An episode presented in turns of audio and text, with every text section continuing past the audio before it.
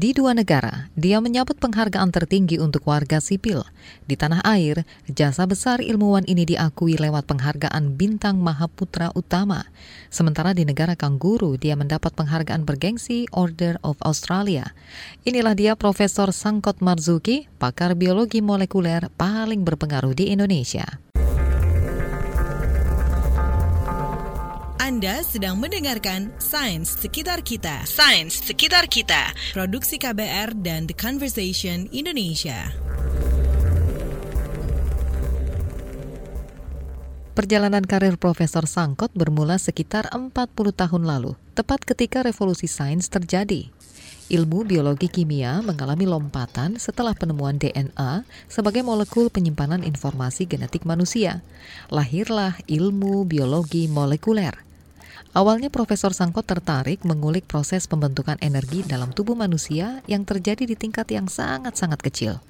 Transduksi energi. Begitu istilah dalam ilmu biologi molekuler. Hmm, ilustrasinya begini. Tubuh manusia itu sama seperti mobil, butuh bensin untuk bergerak.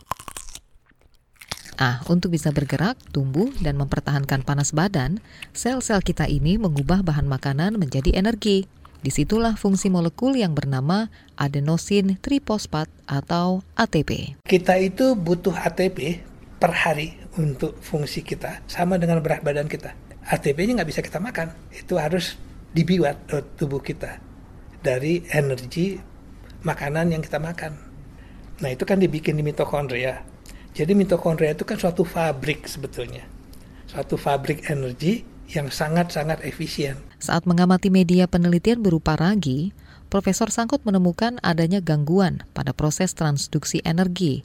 Nah, dari situ muncul pertanyaan, apa mungkin pabrik energi manusia juga mengalami gangguan? Penyakit-penyakit yang relatif jarang, penyakit-penyakit neuro neurologis sebetulnya, saraf ya, ada yang kalau istilahnya barangkali nggak penting ya karena kan jarang ya ada yang uh, eh, CPO e jadi kalau itu pasiennya datang dengan mengeluh dia melihat double.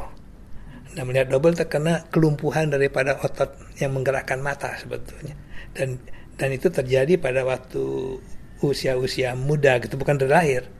Waktu umur belasan tahun baru kelumpuhan itu terasa. Nah nanti nanti makin berat itu kelumpuhan tangan dan sebagainya. Berkat temuan itu, karir Profesor Sangkot Marzuki melesat.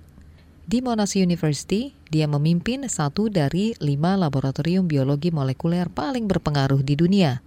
Nama dia juga bolak-balik masuk jurnal ilmiah internasional. Saking topnya, mahasiswa S3 dari seluruh dunia antri ingin kerjasama dengan Profesor Sangkot. Jadi teknologi itu Sampai akhirnya, Menteri Riset dan Teknologi saat itu, B.J. Habibie, memintanya membangun laboratorium biologi molekuler di Indonesia. Supaya Profesor Sangkot mau pulang kampung, Habibie membangkitkan nasionalismenya dengan mengundang ke upacara peringatan proklamasi kemerdekaan di Istana Negara pada 1990. Profesor Sangkot tertarik, tapi dia punya satu permintaan khusus – dia mau laboratorium itu didirikan di lembaga Eichmann, lembaga penelitian yang tutup pada 1960-an karena masalah politik. Jawaban dari Habibie bikin Profesor Sangkot senang bukan main. Pak Habibie ketok meja begitu caranya, that's the way, that's the way. Kita buka kembali lembaga Eichmann. Jadi itu, itu uh, ide itu muncul bersama jadi waktu itu. Saya di tawarkan begitu berubah langsung ini kan menjadi bagian dari membuka kembali sejarah. Kalau itu ya boleh. Ya langsung saya udah udah lain itunya. Pada Juli 1992, lembaga Eichmann resmi berdiri lagi. Di masa kolonial Hindia Belanda, lembaga ini adalah satu pusat penelitian kesehatan termasyur Sekitar 22 tahun, Profesor Sangkut menjadi komandan di lembaga Eichmann. Kini dia mengabdikan diri sebagai Ketua Akademi Ilmu Pengetahuan Indonesia.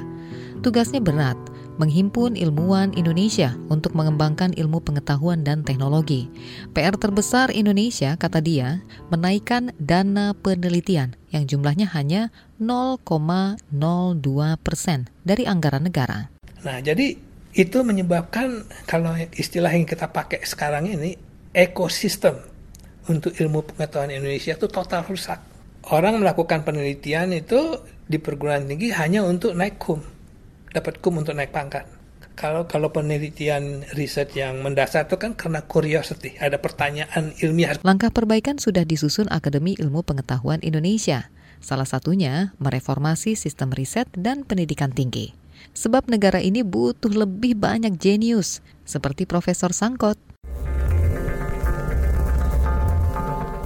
Sains sekitar kita. Sains sekitar kita. Produksi KBR dan The Conversation Indonesia.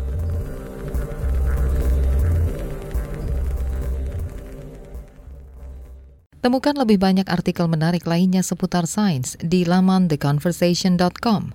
Sampaikan juga kritik atau saran Anda ke redaksi at theconversation.com.